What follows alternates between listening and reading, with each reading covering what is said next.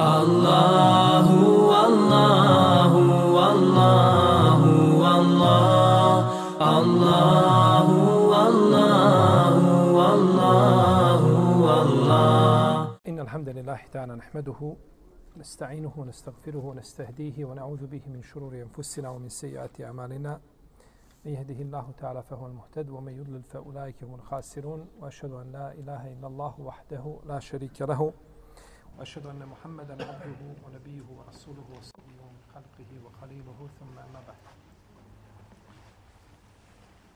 Mi smo završili u našem prošlom predavanju priču po kojoj je najduža kuranska sura dobila ime. A to je priča a, u kojoj uzvišeni Allah azuđel naređuje Benu Israilu da zakolju kravu da bi došli znači do da bi došli do uh, saznanja ko je pravi ubica i da bi kazali smo u isto vrijeme a, u srcima Benu Israila a, postalo to tele ili ta životinja koju su obožavali ništavna i bezvrijedna. A Benu Israil su a, obožavali tele a, koje im je a, pripremio Samirija, o čemu ćemo inša Allah govoriti posebno u suri Taha, a, i nisu a, znači, pokorili se svome poslaniku Musau, a.s. onome što im je naređivao, nego su pristupili da obožavaju životinju koja se navodi kao primjer a, glupe životinje. Kako kaže Ibnul Kajim. Kaže, krava se navodi kao primjer glupe životinje. Naćete konja da je pametan. A, a, deva jako pametna. Međutim, krava je posebno glupa životinja. I pored toga, jedna skupina ljudi je vidjela za shodno da obožavaju kravu. I dan danas je tako je nastavljeno da se to obožava ili da se smatra a, svetom životinjom i slično, i slično tome.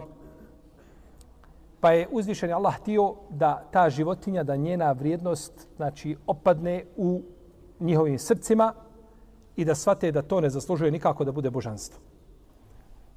Pa je potom uzvišeni Allah Azeođele spomenuo stanje nakon te priče, spominje stanje ovih ljudi pa kaže tabarake wa ta'ala ثم قست قلوبكم من بعد ذلك فهي كالهجارة اشد قسوة. كاجي potom su vaša srca posle toga otvrdla, pa su kao kamen ili su još tvrđa. وإن من الحجارة لما يتفجر منه الأنهار وإن منها لما يشقق فيخرج منه الماء وإن منها لما يحبط من خشية الله وما الله بغافل عما تعملون A tog kamenja ima i onoga iz koga rijeke izbijaju, a ima i kamenja koje puca od straha pred uzvišenim Allahom.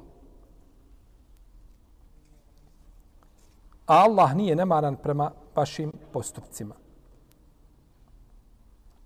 Thumme kasat kulubukum min badi zalike. Potom su vaša srca otvrdla.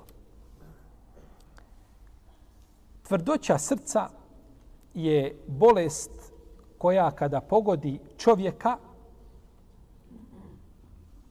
time je garantovana njegova propast. Ako ta tvrdoća znači ostane u svojoj formi, u svom obliku i ne bude se znači mijenjalo, se ne bude srce postajalo mehko, to je znači očita propast za čovjeka. Različiti su razlozi koji dovode do tvrdoće srca. Ja ću spomenuti neke od njih koji spominjali islamski učenjaci, zbog čega ljudska srca bivaju tvrda. Naravno, oni su brojni i puno od onoga što ćemo spomenuti. Međutim, osnovne te razloge ćemo, inša Allah, ovdje navesti, a iz svaki od tih razloga može se izvući nekakav podrazlog, ako tako možemo kazati, zbog čega ljudsko srce biva tvrdo. Prvo je gaflet i nemar prema Kur'anu i prema spominjanju uzvišenog Allaha, tebarake o teala. ومن أعرض عن ذكري فإن له معيشة ضنكا ونحشره يوم القيامة أعمى Ako se okrene od moje opomene, imat će tegoban život. a na sudnjem danu ćemo ga slijepim proživjeti.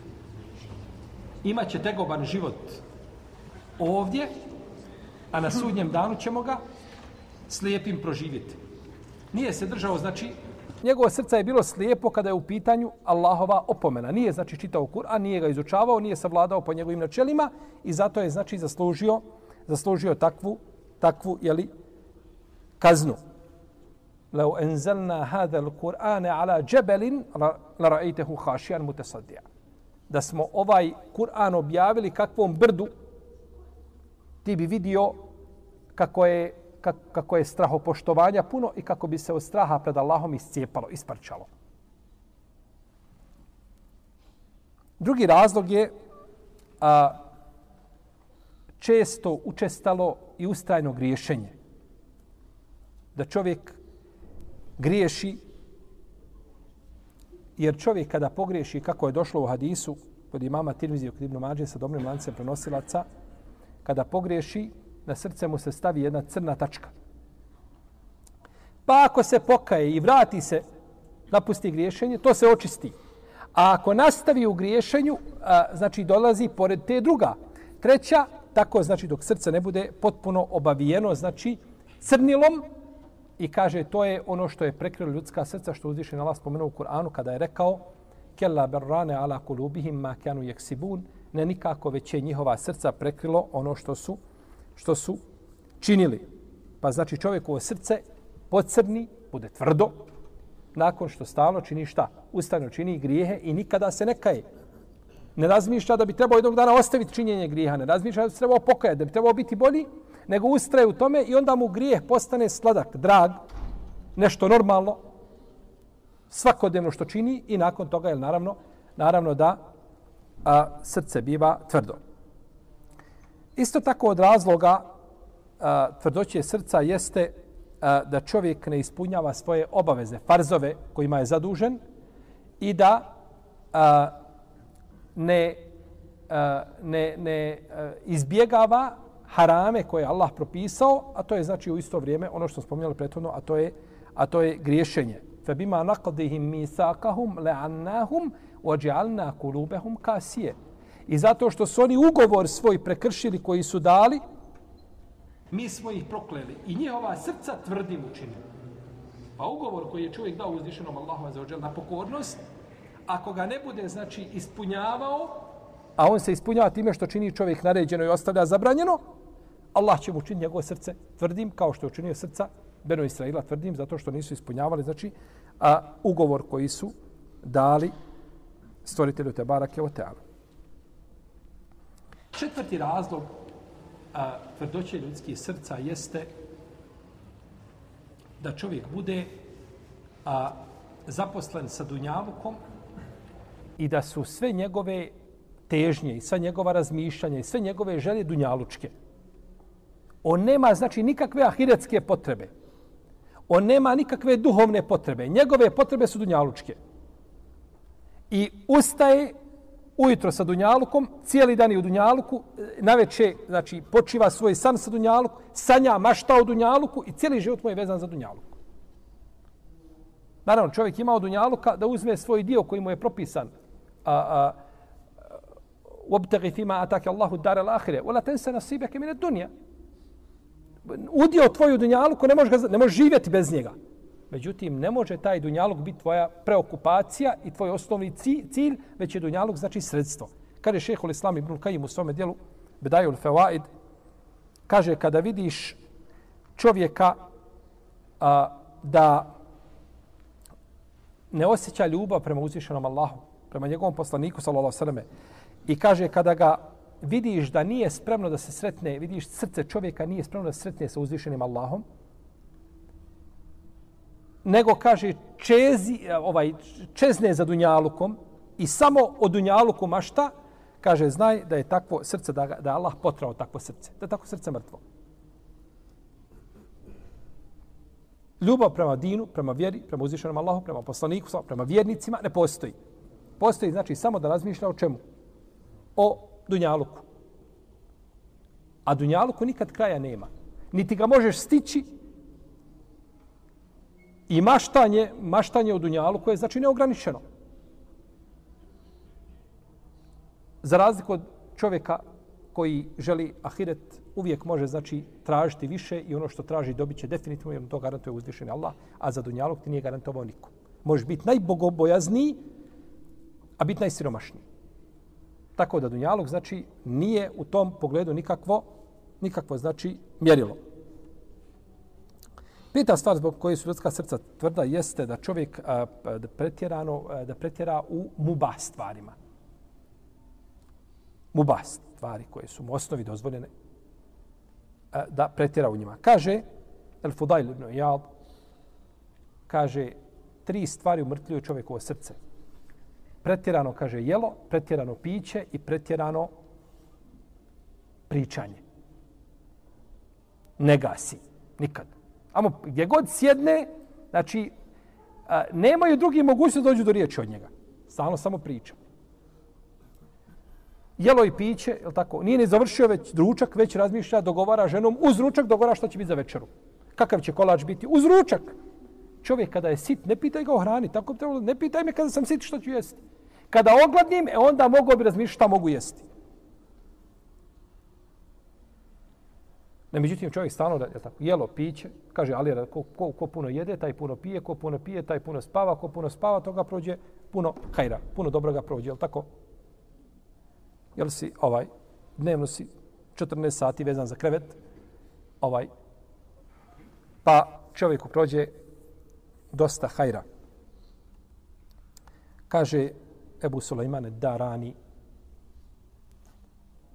a, kada kaže čovjek se najede dobro i napije, kaže, njegovo srce postaje tvrdo. A kaže, kada ogladni, kaže, srce mu je vezano za Allaha i čisti se. Kada je gladan. I zato su učenjaci pisali posebne u, u dijelima, a čak ima i zasebni dijela, fadlul džuva, vrijednost gladi. Vrijednost da, to, toga, da čovjek bude gladan, koliko to koristi njegovom srcu.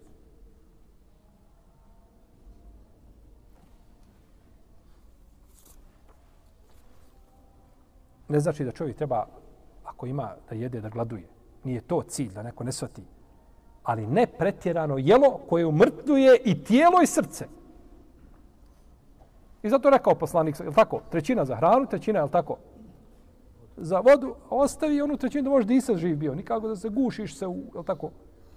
Jel pritislo od ozda pluće, a, pa čovjek ne može, znači, ni, nakon toga ni disati. Šesta stvar zbog koje su ljudska srca ili e, što je uzrok tvrdoće ljudskih srca jeste da čovjek nema rahmeta prema Allahovim stvorenjima. Niti im čini dobročinstvo. Nema milosti ni prema jetimu, ni prema starom, ni prema e, potrebnom, ništa. Ni prema kome on milosti nema. On sa ljudima odnosi se kao aparat, kao robot. Tako, sve isto, sve to na jedan kalup. Došao je pustinjak, došao poslaniku, sa osam, kaže, kada vidio da ljube djecu, kaže, vi, vi to, kaže, ljubite djecu? To je bilo čudno. Pa kaže, to je kod nas, kaže, ja imam da nikad poljubio, nisam nijedno. Kaže, šta mogu kad ti je Allah srce odvojio, rahmet iz tvoga srca odvojio? Srce ti tvrdo. Imaš dijete, po nikad nisi dijete zagrlio, nikad, nikad nisi na krilo stavio, nikad nisi je timu potrao po glavi. Pa je to znači tvrdoća je li dolazi s te strane. Došlo je kod imama eh, uh, Bezara u njegovom ustadu kod Tabarani u velikom mođemu sa dobrim lancem prenosilaca da je poslanik sa osram rekao, kaže, nije vjernik onaj ko zanoći sit, a njegov pomši, komšija pored njega gladan, a on zna. A on zna. Ovo je jedno ograničenje bitno. Znači, možeš ti zanoćiti komšija da umre od gladi. Ali ti nisi znao za njega. Nije na kraj pamet bilo da taj čovjek mogao biti gladan slično tome. To je drugo znaš da je gladan, ti zanoćio i nisi nastojao da mu daš nešto od onoga što si pojeo, kaže nije vjernik. Znači nemaš pod, jer nije, nije jel tako, nije se pozvao jel, na, tako na hadis, ne vjeruje eh, pravim vjerovanjem, jel tako čovjek dok ne bude želio svom bratu ono što želi samome, samome sebi. Sedmo, sedmi razlog jeste eh, da, da se čovjek puno smije. Pretjerani smije. Kaže poslanik sa osam u hadisu koga bilježi imam tirmizi, kaže nemojte se puno smijeti jer kaže često smijanje umrtljuje čovjeku srce. Sve cirkus. Od namaza na prvi cirkus. od priče događaja nekakav tužan ženazi, bio događaj se ženazi, priča, cirkus napravi od toga. E, šta god da progovori, ljudi samo cijepaju se oko njega i, i, i, ovaj, i plaču, natjeraju na plač od smijeha. Ne može to srce nikako biti vezano za Allaha uzvišenog, za njegovu vjeru. Ne kažemo da čovjek, da se čovjek ne može nasmijati, da se može našaliti. Sve je to dozvoljeno. Ali sve ima svoje okvire, ima granice. I gdje god da se granica pređe u bilo čemu, mubah, kazali smo, jelo, piće, smijanje isto toga, od toga što je mubah, što Allah dozvolio. Pa ima mjesto kada čovjek zna, ima nešto što je vezano za šalu, gdje se, može, gdje se zna da je šala, a ima negdje znači gdje ne može biti šala nikako. Pa često to smijanje, je tako, ovaj, ono, ono umrti čovjekovo, čovjekovo, je tako, srce, jer onaj ko se puno smije, kada se smiješ? Kad ti je ravno sve, Rahat do mora. I onda nakon toga čovjek se, je tako, često smije, i podcrni mu, je tako, srce postane tvrdo i onda sada nakon tog sveg smijeha što je proveo dođe na na jaciju i uči, ima uči lijepe ajete koji govore o džennetu, džehennemu. Ne može srce, takvo srce ne može, ne može osjetiti slast Allahovih riječi zbog toga što je otvrdlo. Kaže Malik ibn Dinar, kaže, nije čovjek pogođen većom nedaćom od toga da mu srce bude tvrdo najveća nedaća koja može biti jeste da otrne srce. Čuje Allahove riječi, ne može suze pustiti nikako. Pa je a, to znači od velikih nedaća i problema. Naravno, tu ima još skupina razloga koji spominjali islamski učenjaci, ali tako, a, a, oholost a, koja, koju, koju su mnogi ljudi skloni, ali tako, a, brza sržba, se ljudi lako naljute, brzo srdi i slično tome, a, gubljenje vremena, nepoštivanje svoga vremena i drugi razlog koje navode islamski učenjaci i naravno za, za sve ove razloge postoje i ovaj rješenja. Postoji, tako, liječenje E, tvrdoće srca, međutim, e, nije nam cilj da govorimo o tome, nego smo samo htjeli da spomenemo neke razloge, a jedan od razloga ovi ljudi što su njihova srca podcrnila ili što su postala tvrda je bio šta? Što nisu poštivali znači svoje poslanike i objavu kojom su došli. Pa je to jedan od osnovnih znači razloga a da ljudska srca, jeli, da ljudska srca podcrne. Thumma kaset qulubukum min badi zalik. Potom su vaša srca pocrnala nakon toga zato što se niste odazvali znači vašem poslaniku i onome čime je došao i onome čime je došao poslanik jel, od Allahovih ajeta. Kaže uh, Ebul Alije i Katade, Nudiame Sedusi, kaže, pocrnila su srca Benu Israila zato što nisu poštivali ono čime je došao njihov poslanik. A Ibn Abbas kaže da su ovim ciljani ljudi a, koji su e, dali zakletvu a, kada je u pitanju ubijeni. Vidjeli su Allahove ajete i dokaze, ustao je mrtvi, obavijestio ih ko je ubica i oni pored toga nisu htjeli šta? Prihvatiti to. Kažu laže. Nakon što je umro, ponovo kaže laže. Pa su, kaže, njihova srca pocrnila. Znači, tefsir je a, jeli, različit među islamskim učenjacima u vezi sa a, skupinom ljudi koji su, znači, zadesila, zadesila je znači, tvrdoća, tvrdoća, je li srca. Došlo je u hadis koga bilježi imam Tirmizi i ocenjuje ga dobrim, da je poslanik, sa osam rekao, od Abdullah ibn Omara, jeli, kaže, nemojte se, nemojte puno pričati osim kada spominjete uzvišenog Allaha. Jer kaže puno govora, a gdje se ne spominje uzvišeni Allah je tvrdoća za čovjekovo srce. A najdalje kaže čovjek od Allaha je onaj koji ima tvrdo srce. A najdalje čovjek od Allaha je onaj koji ima tvrdo srce. I da čovjek govori samo po potrebi, kada ima potrebu da govori i kada su njegove riječi korisne, a to je za njega preče i bolje, jer će čovjek biti pitan za sve što kaže, a bit će pitan a, a, uzvišen Allah kaže li jes ala sadiqina na sidqihim da bi pitao iskrene za njihovu iskrenost. Kaže jedan od selefa, iskreni je ovdje Isa a.s. da bi njega pitao. Šta mislite onda kada smo mi u pitanju?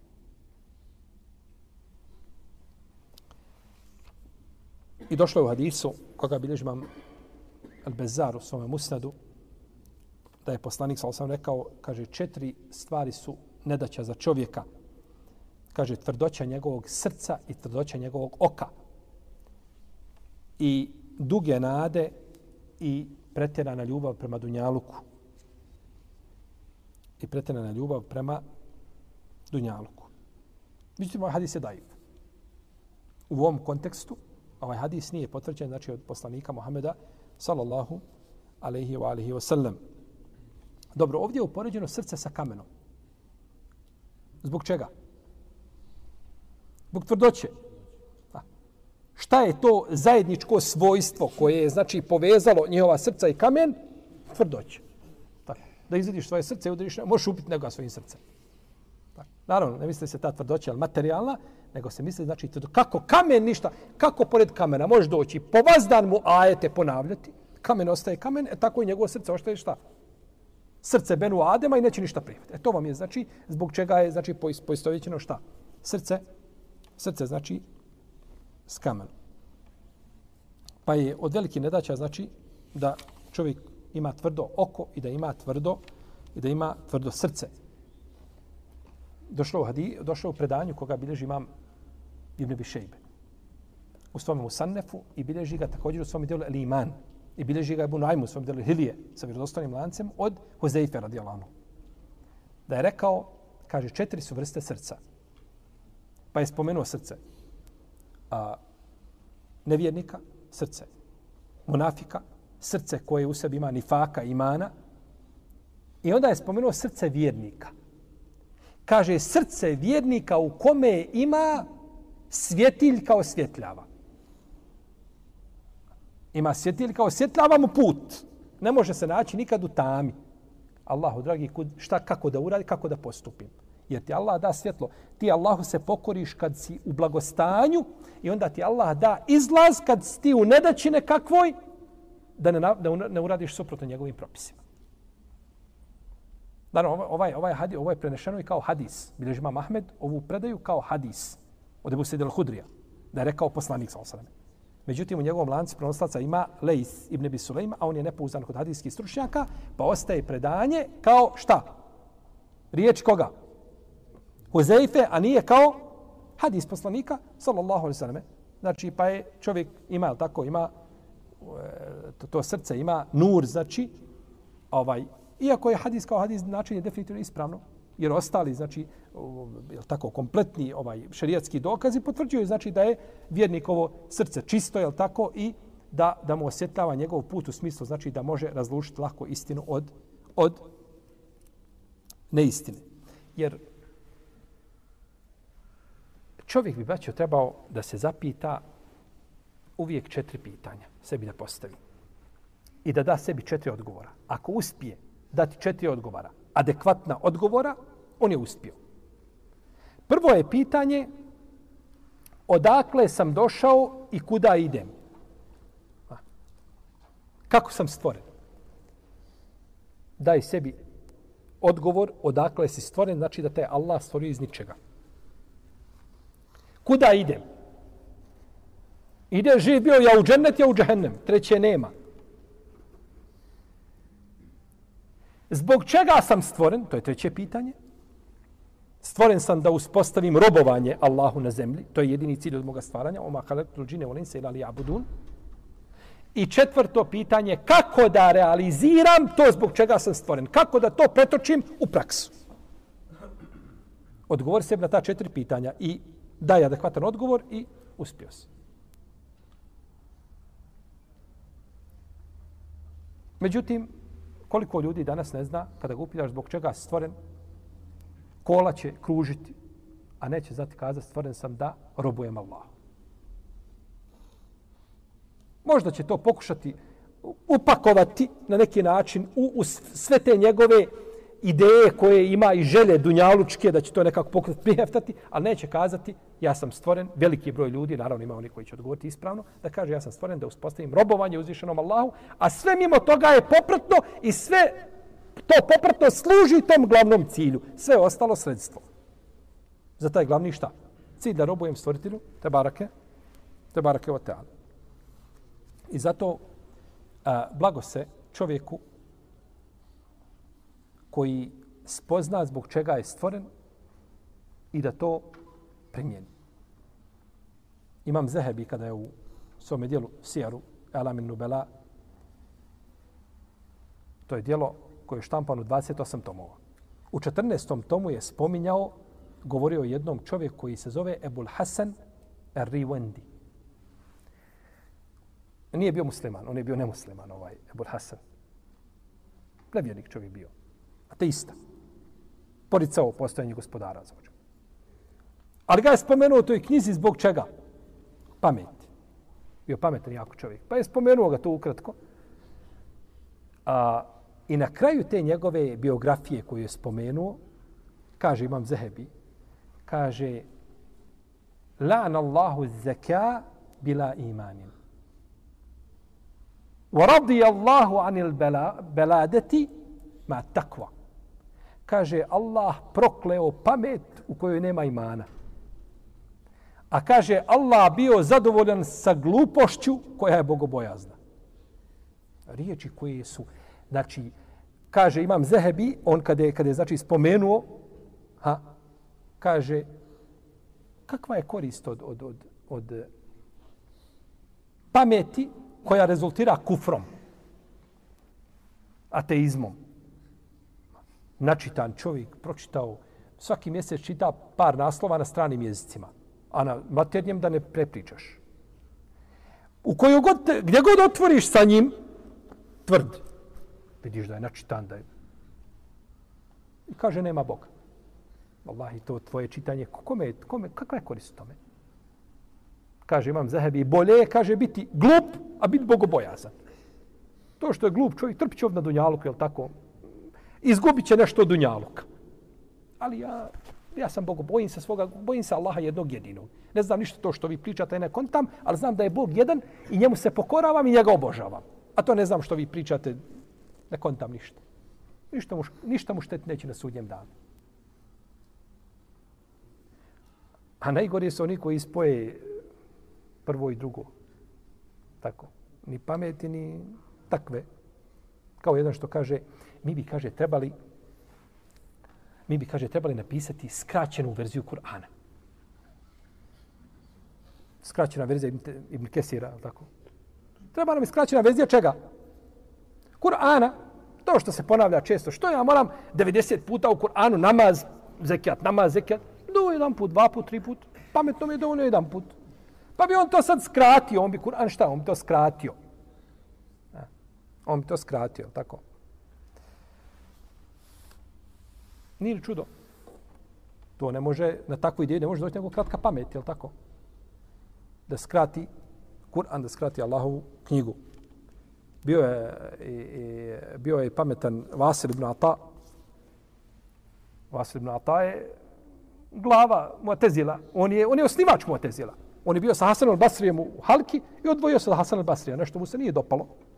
Pa je izmislio jednu novu deređu. Kaže, el menziletu bejn el menziletejni. Deređa između dvije deređe. Kad upitaš za čovjeka, el musliman ili nemusliman, kaže, na sredini okačen je, ni tamo ni vamo. Ne možeš kaže šta je. Nema toga propisa u islamu. U islamu je čovjek je musliman, teški griješnik, je nevjernik. Ako govorimo o toj granici nekakvoj. Musliman, teški griješnik, pokvarenjak, sve, sve nije problem, ali nije nevjernik. Ili je nevjernik. Nema ništa između. To nema između okačen, stepen između dva stepena i ne zna šta je. To su motezile izmislila. Mimo, mimo, mimo Ahlusunata od džemata. Vaslibno, a je bio pametan, on nije mogao izgovoriti slovo R. Pa bi došao, drži ljudima predavanje, drži hutbu i priča, satima govori i nikad ne izgovori slovo R. Ne kaže bur, pšenica, nego kaže kamh. A to je jedno drugo pšenica. Ne kaže dar, kuća, nego kaže bejt, kuća. Ne kaže matar, kiša, nego kaže gajs. No, odmah nađe drugu zamjenu riječ. I pri, zamislite da čovjek priča, saha dva vremena priča i nikad ne ispune upotrebi slovo R. Hajde, bujno. A slovo R se jako često koristi u arapskom jeziku. Nije kao, recimo, va da se manje koristi, nego koristi se jako često. Uzmi ti kada bi ti neko rekao, nemoj koristi jedan samoglasnik. Nemoj koristiti s, pričaj mi. Ili a, pa šta ću ti pričati, živ bio. Mogu samo i rukama išaretiti. Pokazuje, nema priče bez slova jedno koje je bitno. Mogao pri, toliko pametan bio, međutim opet šta? Motezila. Sekta koja po konsensu je ahlusunet al džemata u zabludi. Pa mu nije koristila ta pamet. Pa da se Allah smino imamo Zebiju koji je rekao Allah prokleo pamet u kojoj nema imana, a da se Allah smiluje je tako, glupom razumu koje vjeruje, koji je bogobojazan, jer čovjek ima od pameti uzvišeni Allah kad je ljudima podijelio rizk, kad je ljudima podijelio rizk, svi se pobunili, a kad je podijelio pamet, niko se bunio nije. Pa je, znači, osnova da čovjek slijedi ono što je uzvišeni Allah zađel objavio. Jer mi ponekad dođe čovjek,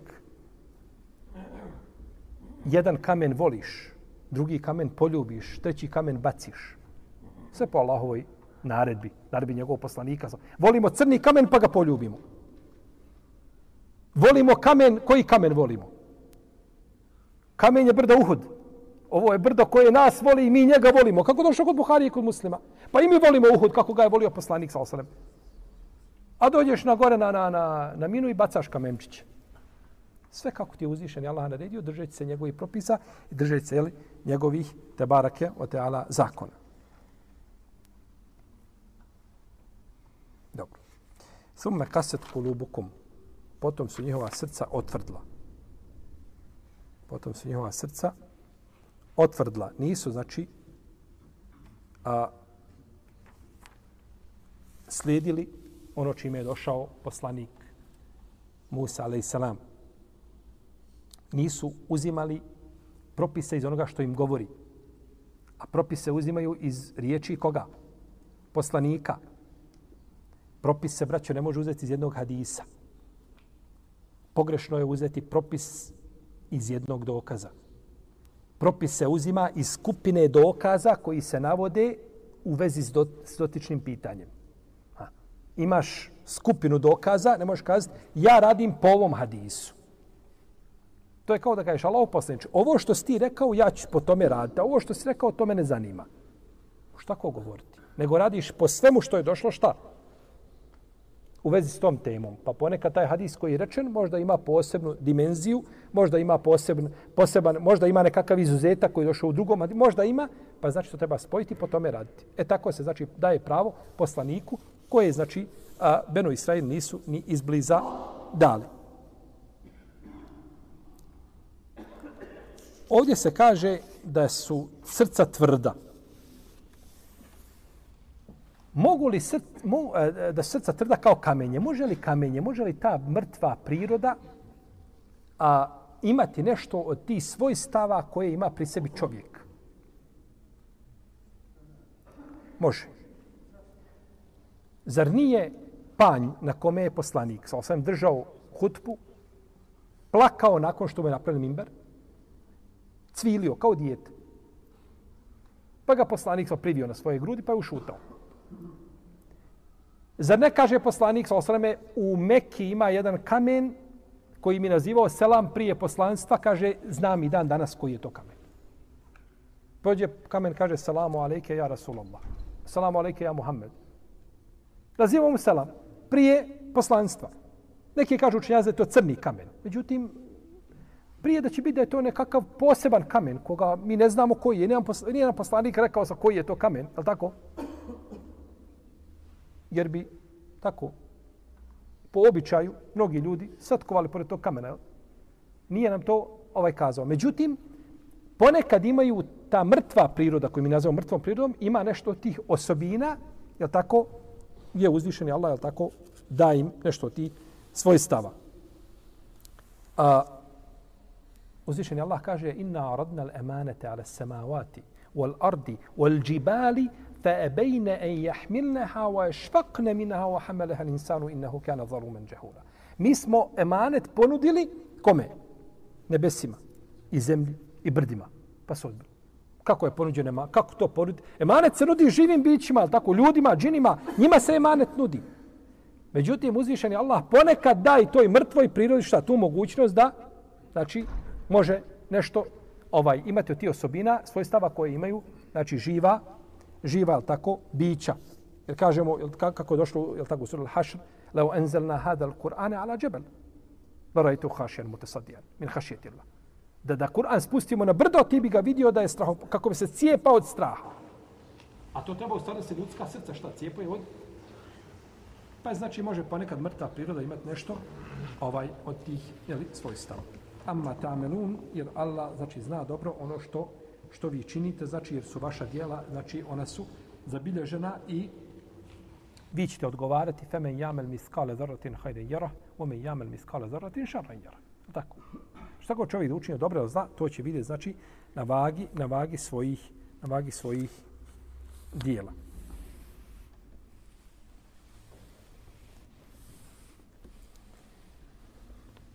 Potom kaže uzvišeni Allah azza wa jal أفتطمعون أن يؤمنوا لكم وقد كان فريق منهم يسمعون كلام الله ثم يحرفونه من بعد ما عقلوه وهم يعلمون Zar vi očekujete, zar se nadate da će vam se oni odazvati, a neki među njima su Allahove riječi slušali pa su ih, pošto su ih svatili, svjesno izvrnuli.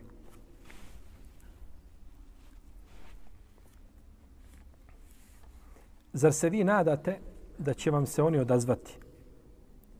A oni su, nakon što su čuli to, svjesno to iskrivili. Čuli, pa su to namjerno pogrešno svatili i iskrivili, znači značenje Allahovih riječi. Tako, čovjek može nešto iskriviti, ali tako namjerno, može nesjesno. Nije isti onaj koji ičtihadi pa napravi grešku. U svome ičtihadu, u svome razmišljanju i poimanju propisa, pa uradi pogrešno, a želio istinu i onaj koji namjerno, to je tako. Namjerno čuje Omer i namjerno razumije Amr i namjerno zapiše Amir i namjerno pročita Umeir. Znači, namjerno čini nešto što je šta? Što izvrće značenje Allahovih riječi. A nema većeg ovaj e, prijestupnika od onoga koji namjerno izvrće ono što uzvišeni Allah azza wa je li objavio. Pa je a, njihovo podcjenjivanje poslanika i izdizanje iznad poslanika od najvećih grijeha koji su znači koji su činili ili i time su svakako odbijali istinu. Onaj ko, ko, ko, ko, ko je spreman da se igra sa objavom. Allah objavio, pa ti promijeniš to, izvrneš to, je spreman da se pokori što je objavio. Ta objava koja je igračka u tvojim rukama, igraš se s kako želiš, imaš poštovanje prema njoj, kako će imati poštovanje prema njoj? Kad objava treba da je nešto sveto, zbog čega ovaj ljudi znači trebaju da žrtvuju i, i, i svoje imetke i svoje živote da objava ostane kako kako Allah objavio. Pa ko želi da se drži, ehlan wa sehlan, ima originalna objava, ko ne želi, to je njegov izbor, njegov će ga gospodar obračunavati i pred njim će račun polagati. Ali da se ljudi igraju sa znači objavom i da iskrivljuju, naravno, to je od najvećih, od najvećih grijeha. Efetat meune yu'minu lekum. Zar smatrate da će oni, da će oni vama vjerovati da će vam se odazvati? Ovo je ovdje E, vid osude i pogrde. Nemojte to očekivati. Kao da uzvišeni Allah kaže poslaniku Muhammedu s.a.v. Potomci Benu Israila koji žive u tvoje vrijeme neće vam povjerovati. Zašto to očekujete? Zašto se nadate? Neki kažu da je ovo objavljeno povodom ashaba. Jer su ashabi očekivali da e, ljudi koji su živjeli sa njima u Medini tu od Ehlul Kitaba da povjeruju zbog ti nekakvih veza koji su bili među njima, ne znam, trgovine, komšiluk i slično tome, bilo bi im drago šta da? Da povjeruju. Pa ovdje je rečeno kao da izgubite nadu. Neki učenjaci kažu da je objavljeno poslaniku za osaleme, zbog čega očekuješ da, da, da oni vjeruju kad njihovi preci koji su na isti način znači, postupili i oni će postupiti kao oni, a odbili su znači ono čime je došao Musa, jeli? Musa, ali i Ovdje nikako nije u ajetu spomenuto da oni e, da je njima zabranjeno da vjeruju. Da je uzvišeni Allah njima sprije, uzvišeni Allah nikoga nije spriječio da povjeruje. Nego čovjek svojim dijelima toliko mu srce pocrni da jednostavno nakon toga više ne može povjerovati. Kao što je bilo sa Ebu, s kim? Ebu Lehebom, je li tako? Tebet jeda Ebi Leheb. On je toliko činio, toliko nedaća na nijo poslaniku, sa osaneme, i Ebu Džehl. Ebu Leheb je bio Amidža poslanika, sallallahu alejhi ve sellem. Toliko je nedaćana ni o poslaniku, sallallahu alejhi ve sellem, da jednostavno da ga je Kur'an prokleo dok je živ. On je bio živi džehnemlija. Svako znao da je džehnemlija i da nema mogućnosti šta? Ne da mu uzviče na to što spriječio, pa on je poslan, a, Allahov poslanik je poslan a, Ebu Džehlu, Ebu Lehebu prije drugih. Wa anzira ashirataka al-aqrabin i pozivaj svoju najbližu šta? Rodbinu. Prvo njih, jer oni su najpreči da ih pozoveš. I zato je pozvao prve ljude do sebe. Koga pozvao? Hatidžu, radi, pozvao je Bubekra kao prijatelja, pozvao koga? Aliju. I oni su primili islam, je tako? Prve do sebe je pozvao. Međutim, znači, nisu se šta? Nisu se odazvali, pa je zbog svojih dijela ružnih koja su učinili, to je bio razlog da jednostavno nema čovjek mogućnosti čega? Da se čovjek ima komšiju i ovaj komšija cijeli mu život radi zlo. Nema azaba kakvog nije probao na svome komšiji. Sve. 10, 15, 20 godina. I nakon toga shvati on da je on u krivu, da je komšija dobar čovjek, da je bogobojazan, da je on u stvari taj koji je pokvaren. I sad treba da priđe komši. Može li? Teško. Ne može. Toliko ima iza sebe a, a, neočišćenog puta da jednostavno ne može se us, usuditi na taj korak. E tako je bilo s ovim ljudima.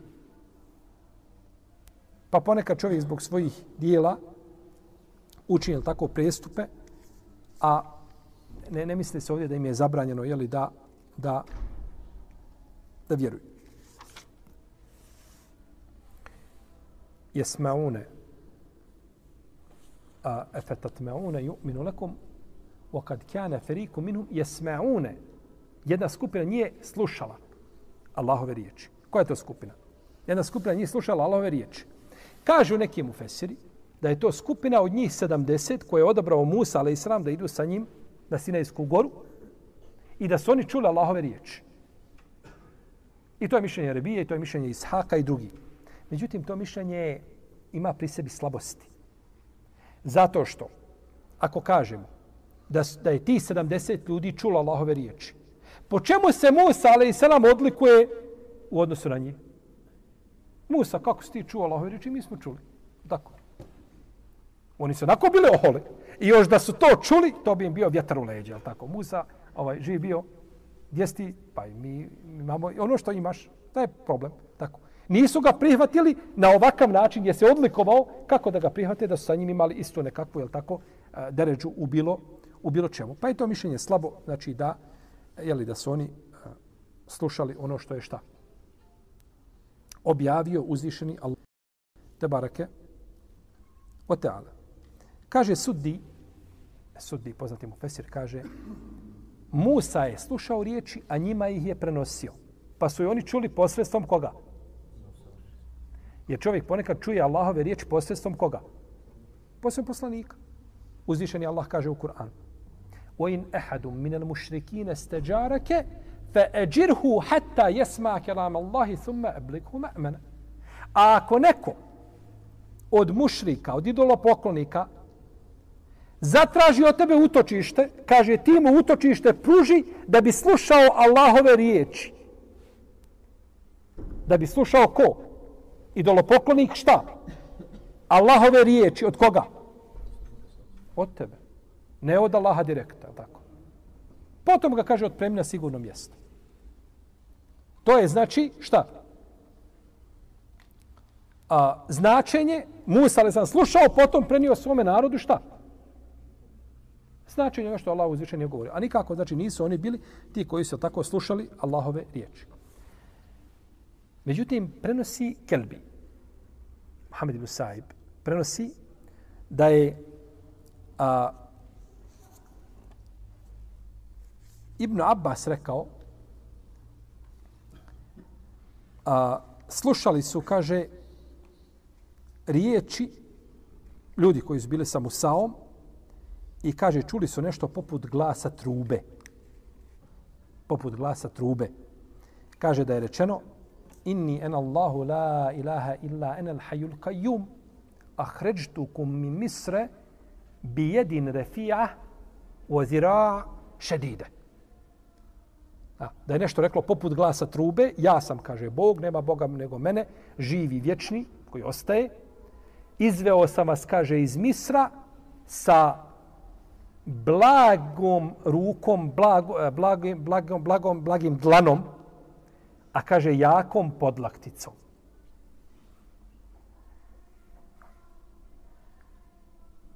Da su čuli oni nešto poput glasa trube Ibn Abbas, a Ibn Abbas je bio šta? Turđumanul Kur'an, od, jel tako, od ashaba, ako je neko učen u Kur'anu, jesu Ibn Abbas i Ibn Mas'ud. Naravno i drugi, međutim, oni se posebno odlikovali u tom pogledu. Međutim, ovaj hadis je batil. Ova predaja je batil, neispravna. Ne smije se pripisati nikako Ibn Abbasu, ovaj, niti poslaniku, sallallahu alaihi wasallame. Zato što u njenom lancu prenoslaca ima Kelbi, Muhammed ibn Saib, Kelbi, za koga su neki učenjaci kazali da je bio čak i lažov. A imam Buharija kaže, njegove hadise smatra ništavnim a, Jahe ibn Said al-Qattan i isto to smatraju drugi učenjaci poput Abdurrahmana ibn Mehdija i ostali pravnici. Pa je on bio nepouzdan. A ravija koji prenosi od njega Ibn Mervan i on isto tako. Njegov prijatelj u tome. Pa je znači nikako neprihvatljivo šta? Neprihvatljivo je. Međutim, imam Zahebi kad je u dijelu, dijelu Sijeru Alaminu Bela kad je govorio o Mekelbiju u šestom tomu. Kaže El Alame. El Alame je superlativ od riječi Alim. Alim je učenjaka. Alame je nešto šta? Da kažemo ekspert. Kako imam Zehebi mogao kazati za njega da je šta? Ekspert. A njegovi hadisi ništa. Jednostavno, može čovjek biti učen, a da ima slabo šta? Pamćenje nije od onih koji mogu prenositi šta? Hadise. Ima mali, kaže u Medini, ima 70 ljudi. Koji god od njih da bi se uhvatio za platno kjabe, Allah bi, kaže, ispunio njegovu dovu kad bi zatražio. A ja kažem, mnogo ne, hadis, kaže, neće primiti. Jeste on bogobojazan, ali nisi za šta? Nisi ti za hadisa. Hadis ima, hadis ima, ovaj, ima svoje ljude, ima muškarce. Kada imam Zehebi a, govorio u dijelu, svome dijelu eh, eh, a, a, Mizanu Netidal, spomenuo je Ebu Abdillahana iz Saburija, pa kaže, kada je spomenuo, kaže, jedan od učenjaka rekao za njega, kaže, imamun fil hadis rafidijun habis. Kaže, imam u hadisu pokvareni šija. Imam u hadisu pokvareni šija. Može li se to spojiti? Imam u hadisu pokvareni šija. Ne, ne, kaže, on je, imamo, on je šija pokvareni, ali kaže, neće lagati na koga? Sve hadise koje je prenio, ti hadisi koji su došli njegovim putem, se uporede sa drugim vjerodostojnim ramija, vidi se da u harf odgovara, nikad harfa nije kazao na poslanika, sa osaname, nešto što je sumnjivo i što bi dovelo upitnim njegove hadise. Pored toga što mu je menheđ pokvaren, on je šta? I zato se ulema hadisa razilaze kad je pitanju hadis koje prenose novotari. Haridžija prenosi hadis, Murđija prenosi hadis. Pa neki prave razliku i njih kaže ako je, ako je taj hadis koga prenosi, ako odgovara njegovom bidatu i njegovoj sekti, ne prihvata se od njega. Jel u redu? Pa imaju oni razlike među oni koji pozivaju svome bidatu i koji ne pozivaju. Razli, tu je znači ovaj mišljenja islamskih učenjaka su tu velika u vezi s tim novotarima koji prenose hadise. Ali on kaže za njega šta? Kaže imam je u hadisu, a kaže pokvaren je šija. Kada je to imam Zehebi spomenuo, kaže imam Zehebi kultu. Ja sam rekao, A imam Zehebi, Šemsuddin, rahimehullahu ta'ala, a, koji je umro a, 748. hiđarske godine. Kada kaže nešto, negdje ja sam rekao, nakon toga slijede riječi koje se zlatom plati ne mogu. I kad bi neko današnjih studenta uzeo knjige imama Zehebija, prelistao ih i gdje god kaže kultu, rekao sam, i uzeo to što je on rekao i analizirao to i uporedio sa riječima drugih islamskih učenjaka, ispala bi disertacija, ne bila na manje od hiljadu stranica. Ali eto, treba, treba jedan snažan da to uradi. Kaže Zehebi kultu, Allahu yuhibbul insaf, kaže Allah voli pravdu. Vidite mama Zehebi, ja Arab. Kaže Allah voli pravdu. Kaže mer rajulu bi rafidijin. Walakinnahu ši'ijun faqat. Kaže nije on rafidija, ovaj Ebu Abdillah i Saburi. On je kaže samo, nije rafidija, on je kaže samo šija. A vidite kako je naša ulema. Kaže imam zahebi, popravlja, imam zahebi, popravlja. Je tako? Neko nešto. Nisi kazao precizno, hajde te popravim. Nije on Rafidija. Rafidija je onaj koji vrijeđa Ebu Bekra i koji vrijeđa Omera i koji, koji vrijeđa ostale ashabe. To su Rafidije, iako oni imaju svoje deređe među njima. A Šija je samo onaj koji kaže da je Alija radijallahu anhu bolji od Osmana. To je Šija. O ine min šijatihi ili Ibrahim. U Kur'anu spomenuta riječ, šta? Nije to problem, to je znači njegov, njegov prijatelj koji ga pomaže, koji je njegov znači pomoćnik i slično tome. To samo po sebi nije problematično. Pa je razlika između šije i rafidije. Rafidija kaže da je Alija bolji od Ebu Bekra i Omara. I da se Ebu Bekra i Omer uzelo od njega hilafet nasilno. I da vređuju ostale ashabe i kutekfire tekfire i tako dalje. A šija kaže ne, Alija je bolji od Osmana te riječi Alija je bolji od Osmana su pogrešne. Ali nećemo zbog tih riječi izvesti čovjeka iz okvira čega? Ehlu sunnet vol džemat. Dina svakako, to je jasno. To je pogrešno. Kažemo to je greška jer je bilo među ehlu sunnetom je bilo rijetki učenjaka, ali je bilo koji su smatrali u boljim od koga? Zato što po pitanju Ali je, braćo, imamo brojne hadise koji se prenose, čak ima Mahmed spomenuo da, da, da, da ono što se prenosi u odlikama Alije, da je više nego što se prenosi u odlikama ostali ashaba. Pojedinačno, jel? Iako je poznatija izjava kod imama Ahmeda, da se odlike koje se prenose o Aliji vezane za borbu i za njegovu hrabrost u ratovanju, to je više došlo nego ostali ashaba. A nije došlo šta? Za odlike. Ali o Alijama imamo brojne hadise o vrijednostima Ali radijallahu ta'ala anhu. O Osmanu nemamo toliko predaja koliko imamo o Ali. Ali ehlu sunnet skoro pa složan da je Osman bolji od Alije. I zato ko bi rekao da je Alija bolji od Osmana, on je pogriješio. To je pogrešno mišljenje, ali znači nije kao onaj koji kaže da je bolji od koga? Od Ebu Bekra Omara, a tek nije onda, jeli, nije kao mišljenje oni koji kaže da, da vrijeđuju ostale ashabe. Pa kaže Zahebi ovdje, za ovoga Ebu Abdillahana i Saburija, kaže, on je, kaže, bio šit, bio je šija u smislu da je smatrao samo šta? Ne vređa Osmana, smatra ga da to je, to je dupli zet poslanika, sa osam nije zapamćeno u historiji čovječanstva i neće biti zapamćeno definitivno da je jedan čovjek oženio dvije hćerke jednog poslanika. Toga nema. To je Osman jedan, takav drugi ne postoji na zemlji.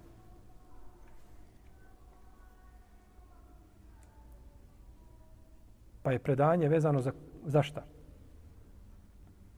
Za trubu. Batil predanje. Znači, nikakve veze nema.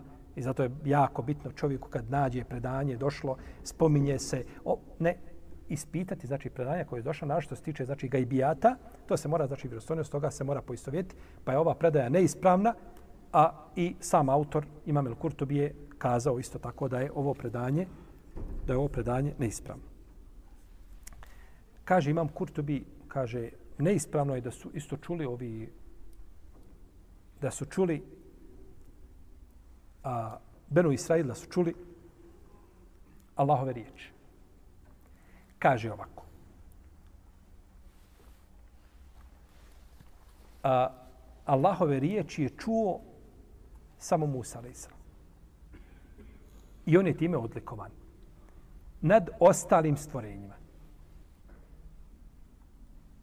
I on je time odlikovan nad ostalim stvorenjima.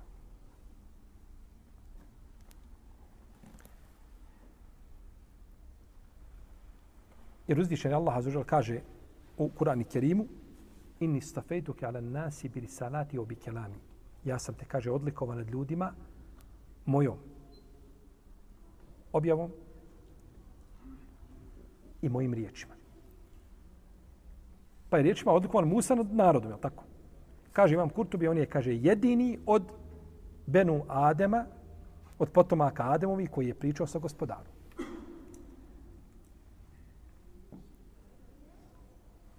Međutim, ove riječi nisu potpuno precizne. Da je Musa, a.s. jedini koji je pričao. uzvišenim Allahom je pričao Adem a.s. I uzvišenim Allahom je pričao naš poslanik Muhammed s.a.s. U hadisima u Israu. Da se je vraćao i tražio svoga gospodara da, da mu... Pa su islamski učenjati Ibn Kesiri ostali, Ibn Hajar Raskalani i drugi zaključili, znači iz tih hadisa, da je naš poslanik pričao. Samo što je priča našeg poslanika sa s.a.v. i Adema bila na nebesima. A Musaova je bila gdje? Na zemlji. I do toga ćemo posebno doći kad budemo u suri Al-Kasas govorili, do toga ćemo posebno doći. Felemma etaha nudije min džani bi turil ejmeni mine šeđereti fil bukatil mubaraketi mine šeđereti e ja Musa. Kada je došao da je iz drveta čuo glas o Musa. Pa je to bilo gdje, na?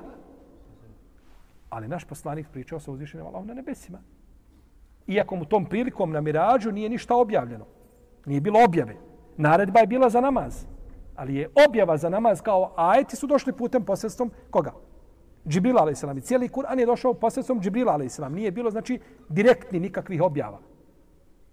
Ali je bila naredba kada je bio poslanik na, na Miraču.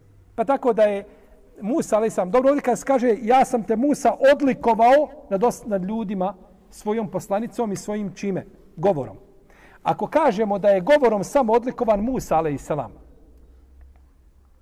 onda treba biti odlikovan, odlikovan i čime?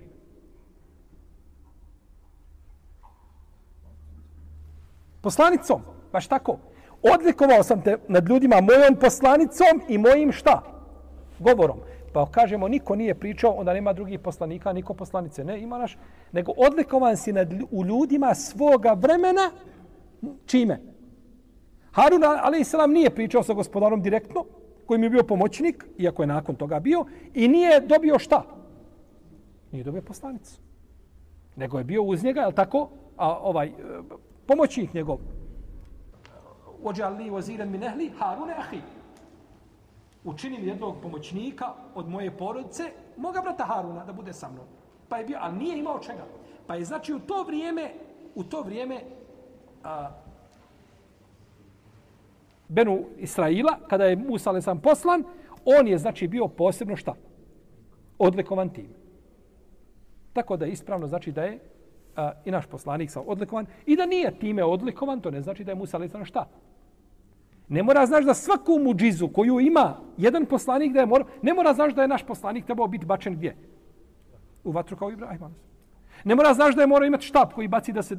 Ne mora znaš da, da, je morao oživljavati mrtve To ne mora znaš da je nužno, mora imati, ali imao više muđiza nego ostali poslanici zajedno. Jer kaže, pa imam neovi, kaže da je imao oko 1200 muđiza. Pa je ispravno da je uzvišeni Allah Azuđel pričao sa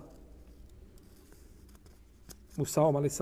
kao što je pričao i sa njegovim pravcem Ademom i kao što je pričao sa našim poslanikom sallallahu alaihi wa alaihi wa sallam. Međutim, kako je taj razgovor bio i kako je znao Musa, alaihi sallam da su to Allahove riječi, šaltara o tome ćemo u narednom آخر دعواني والله تعالى. أعلم وصلى اللهم على نبينا محمد وعلى آله وصحبه أجمعين. الله الله الله الله.